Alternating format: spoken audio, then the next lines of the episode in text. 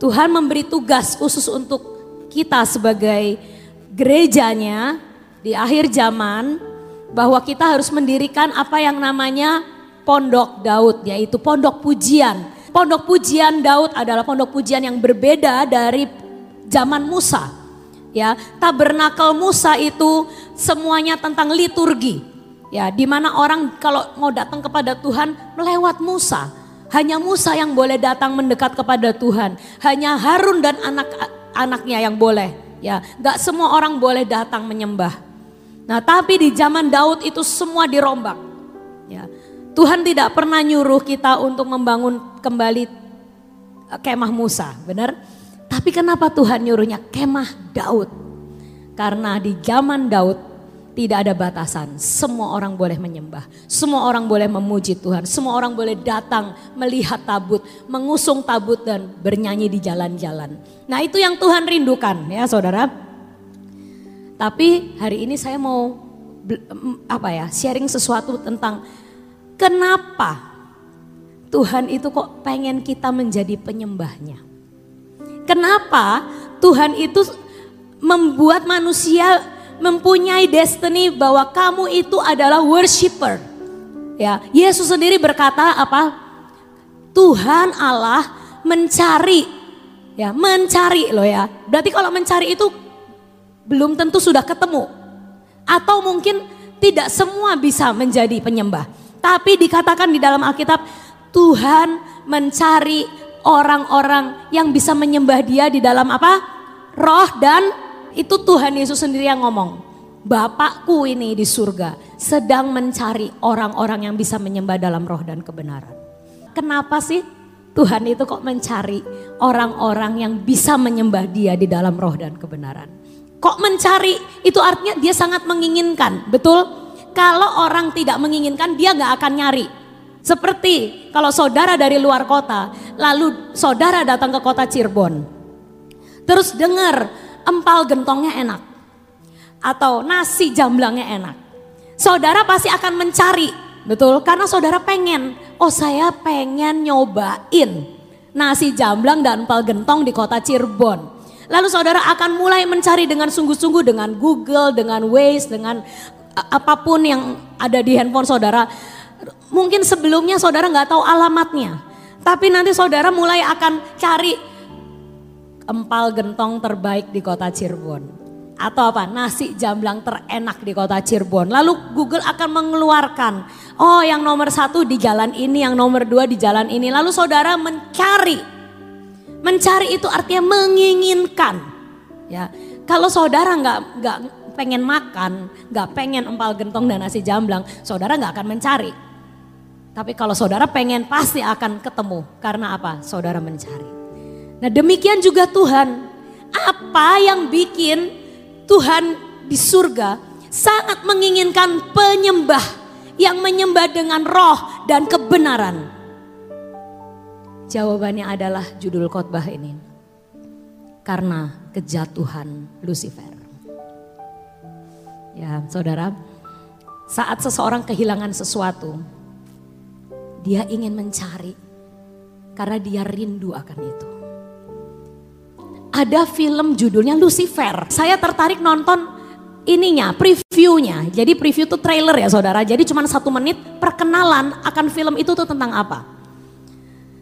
Lalu akhirnya kita nonton trailernya, kita pengen tahu tentang apa film ini. Karena Lucifernya kok berjas, bukan serem mukanya enggak ya, bukan film Lucifer serem, keren. Lalu di film itu ada pria berjas memperkenalkan diri. Hai, my name is Lucifer. Dia ngomong apa? Dan aku dulunya adalah kesayangannya Tuhan. Ya. Jadi dia memperkenalkan diri sebagai saya dulunya adalah kesayangan Tuhan. Dan Tuhan, uh, mungkin bisa next slide ya.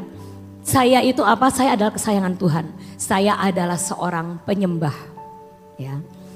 Arti nama Lucifer sendiri adalah light bringer atau the morning star. Tuhan mengaruniakan nama yang luar biasa. Dia adalah pembawa terang itu sendiri. Yang pem, terangnya siapa Tuhan? Jadi dia itu pembawa hadirat Tuhan. Dia itu di surga adalah orang yang menyembah Tuhan dan menyukakan hati Tuhan setiap hari. Nah, tapi Tuhan menghadiahi sesuatu kepada saya yang tidak dia hadiahkan kepada malaikat yang lain. Nah, saudara pernah nggak anak saudara nanya atau teman saudara nanya atau saudara sendiri bertanya dalam hati, kenapa Lucifer bisa jatuh? Ada di sini yang tahu nggak jawabannya? Kenapa Lucifer bisa jatuh? Nah, itu anak saya juga waktu itu nanya dan waktu itu saya belum bisa jawab karena saya belum belum tahu. Mah, di surga itu kan nggak ada dosa. Betul? Di surga itu tidak ada celah, kelemahan. Katanya kalau di surga orang nggak bisa mikir jelek. Saudara, di surga itu semuanya itu jadi baik. Malaikat-malaikat itu harusnya semuanya baik. Tapi kenapa kok ada seorang yang bernama Lucifer, malaikat bernama Lucifer bisa kepikiran jelek, bisa timbul niat buruk, bisa apa? Kok bisa jatuh dalam dosa? Padahal katanya di surga itu tidak ada dosa. Kenapa dia bisa jatuh? Saya itu dapat jawaban dari trailer kemarin itu saudara. Lucifer berkata, saya adalah seorang penyembah. Saya adalah orang yang membawa hadirat Allah. Tapi ada satu hal yang Tuhan taruh di diri saya yang tidak dimiliki oleh malaikat lain. Next, jawabannya apa? Tuhan memberi saya hasrat. Tuhan memberi saya passion, desire, gairah. Karena itulah esensi penyembahan. Ya. Karena apa saudara? Tuhan memberikan passion, hasrat kepada seorang Lucifer. Karena tanpa passion dan hasrat, penyembahan itu hambar.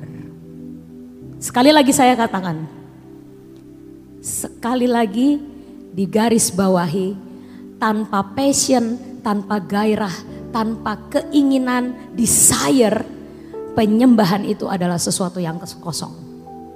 Karena apa? Berarti kita terprogram untuk menyembah. Betul? Orang kalau nggak dikasih keinginan untuk menyembah, itu artinya kita robot. Bukan robot, diprogram, ter terprogram, ngerti? Misal ya, kita tidak menginginkan sesuatu, ya uh, kita tidak tidak pengen makan. Lalu orang itu ngomong, ayo makan dong, nggak pengen, gitu.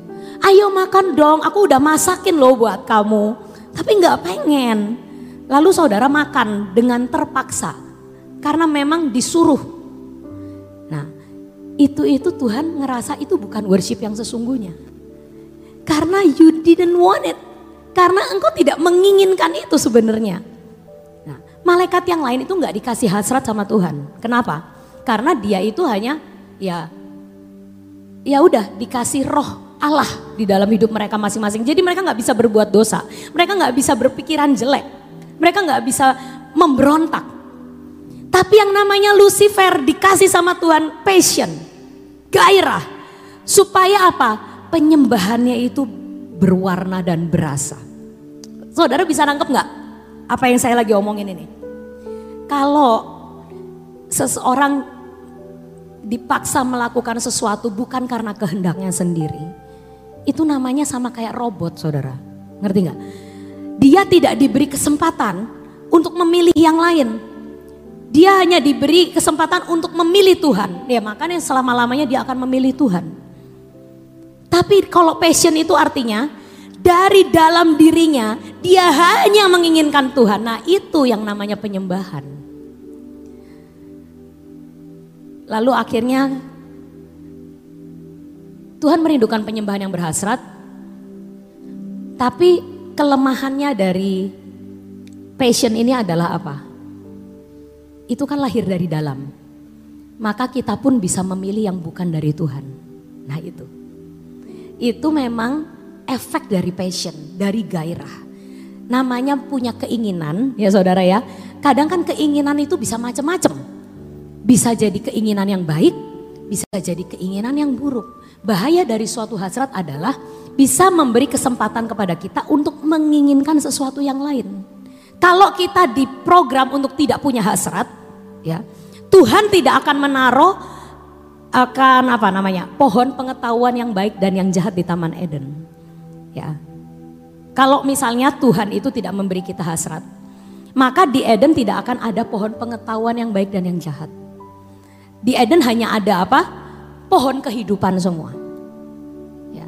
Tapi sekali lagi Tuhan menginginkan ada hasrat dari hidup kita untuk memilih dia.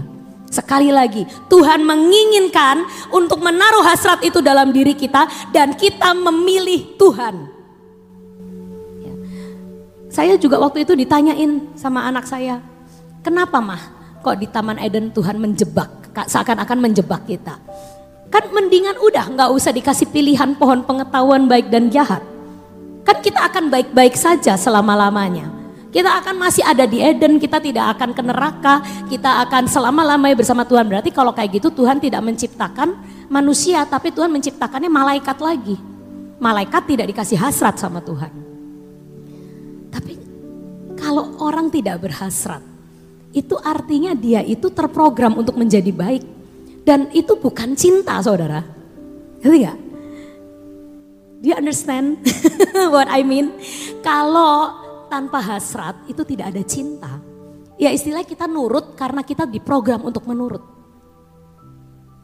Tapi saat ada kin, ada gairah, ada keinginan, ada hasrat, ada desire, maka dari situ kita bisa memilih untuk mencintai seseorang. Dan orang yang menerima akan passion dan hasrat kita itu, dia merasa sangat senang karena oh kamu memilih aku, kamu memilih untuk mencintai aku. Apa yang bikin Tuhan akhirnya senang sekali sama yang namanya penyembahan Daud. Karena Daud pernah menciptakan sebuah lagu lebih baik Tuhan satu hari bersama engkau daripada seribu hari di tempat lain. Itulah hasrat. Daud berkata, aku ini raja Tuhan, aku punya semua kemewahan, aku punya semua keindahan dunia. Tapi buat aku, lebih baik sama engkau satu hari dibandingkan seribu hari aku menikmati dunia. Itu Tuhan berkata, ini loh passion ini lo desire, ini lo hasrat, ini lo cinta. Karena Daud memilih Tuhan lebih dari segala yang kenikmatan yang ada. Itu yang tidak dilakukan Lucifer waktu itu. Waktu itu Lucifer menyembah Tuhan. Dia melihat kedahsyatan. Dia melihat wow betapa Tuhan enak ya diagungkan. Lalu karena dia mempunyai hasrat. Dia bisa hasratnya itu menyeleweng. Tidak menginginkan Tuhan lagi. Dan dia berkata, kok enak ya jadi Tuhan? Dia tidak diprogram untuk menurut, dia diprogram untuk berpassion. Tapi dari situ passionnya itu menyeleweng, akhirnya dia berpaling dari Tuhan. Dan dia malah pengen jadi Tuhan. Enak banget jadi Tuhan. Disembah, dipuja, bisa nyombong. Saya ya saya kerjanya cuma nyembah dia. Kenapa saya tidak menjadi orang yang disembah juga? Maka hari itu Lucifer memutuskan saya tidak mau lagi menjadi penyembah. Saya mau untuk menjadi Tuhan. Ya, ada ayatnya. Ya saudara kita baca dulu dari uh, Yehezkiel. Yehezkiel 28 ayat 14 sampai 18. Coba dibuka. Tuhan berkata, ku berikan tempatmu dekat kerup yang berjaga di gunung kudus Allah engkau berada. Dan berjalan-jalan di tengah-tengah batu-batu yang bercahaya. Tahtanya Lucifer itu adalah batu permata yang bercahaya-cahaya. Next. Engkau tak bercela di dalam tingkah lakumu sejak hari penciptaanmu sampai terdapat kecurangan padamu. Next. Dengan dagangmu yang besar, engkau penuh dengan kekerasan dan engkau berbuat dosa. maka kubuang engkau dari gunung Allah dan kerup yang berjaga membinasakan engkau dari tengah batu-batu yang bercahaya. Next. Engkau sombong karena kecantikanmu, hikmatmu kau musnahkan demi semarakmu. Jadi dia tuh tadi berhikmat, dia memiliki roh Allah tapi dia memilih untuk mengutamakan semaraknya ya. Ke bumi kau kulempar, kepada raja-raja engkau kuserahkan menjadi tontonan bagi matanya. Dengan banyaknya kesalahanmu dan kecurangan dalam dagangmu, engkau melanggar kekudusan tempat kudusmu, maka aku menyalakan api dari tengahmu yang akan memakan habis engkau dan kubiarkan engkau menjadi abu di atas bumi di hadapan semua yang melihat. Ini perkataan Tuhan tentang Lucifer. Walaupun di perikopnya ini adalah perkataan Tuhan kepada Raja Tirus. Tapi istilah gini, Tuhan mengumpamakan Raja Tirus itu akan jatuh seperti Lucifer. Dan Tuhan ini gini saudara, betapa dulu dia mencintai Lucifer. Betapa dia dulu memuliakan dan membawa Lucifer menjadi seorang malaikat yang cantik menyembah di dalam roh dan kebenaran. Tapi Tuhan berkata, kesalahanmu, dagangmu. Nah, kok bisa ada kata dagang ya? Saudara tahu apa itu dagang? Dagang itu hitung-hitungan. Jadi Lucifer itu berdagang sama Tuhan. Aku sudah menjadi malaikat penyembah nih Aku sudah menjadi kesayanganmu nih. Terus aku dapat apa? Padahal Tuhan sudah memuliakan dia dengan memberi tahta batu yang bercahaya. Tapi nggak cukup buat dia. Dia berkata, aku bisa jadi secantik Allah. Aku bisa jadi sesemarak Allah. Kenapa aku harus menjadi penyembah?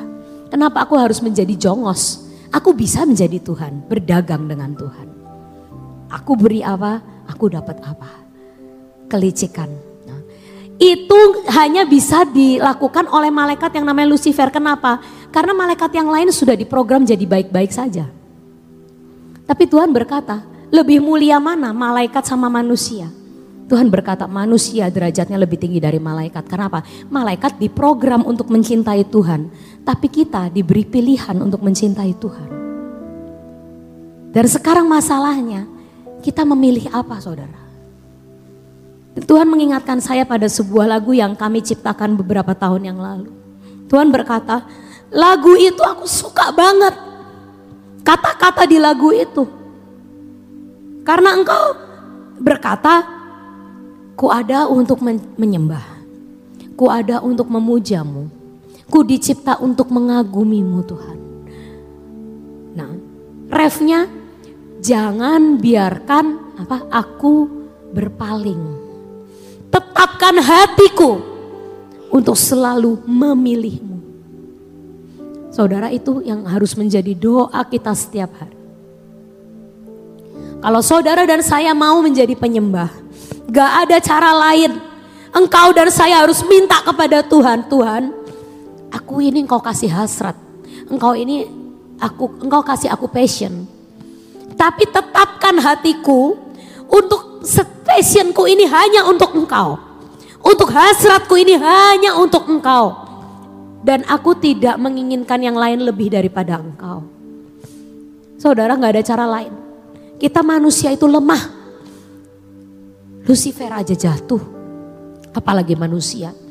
Darah daging kita, Adam Hawa, nenek moyang kita, mereka semua memilih untuk mencintai yang lain saat Adam dan Hawa ditawarkan uh, buah pengetahuan yang baik dan yang jahat.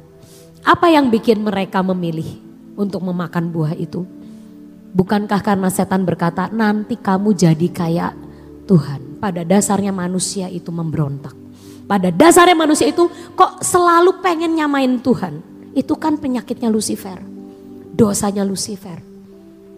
Adam dan Hawa milih untuk makan buah itu. Karena dia berkata, oh enak ya jadi kayak Tuhan. Sombong. Pengen membanggakan diri. Padahal kita itu di-create, kita itu diciptakan untuk menjadi penyembah-penyembahnya. Dan hari itu iblis tertawa. Karena oh ternyata manusia juga dikasih passion sama Tuhan. Dan sama kayak saya, mereka juga memilih yang lain lebih daripada Tuhan. Tapi masalahnya,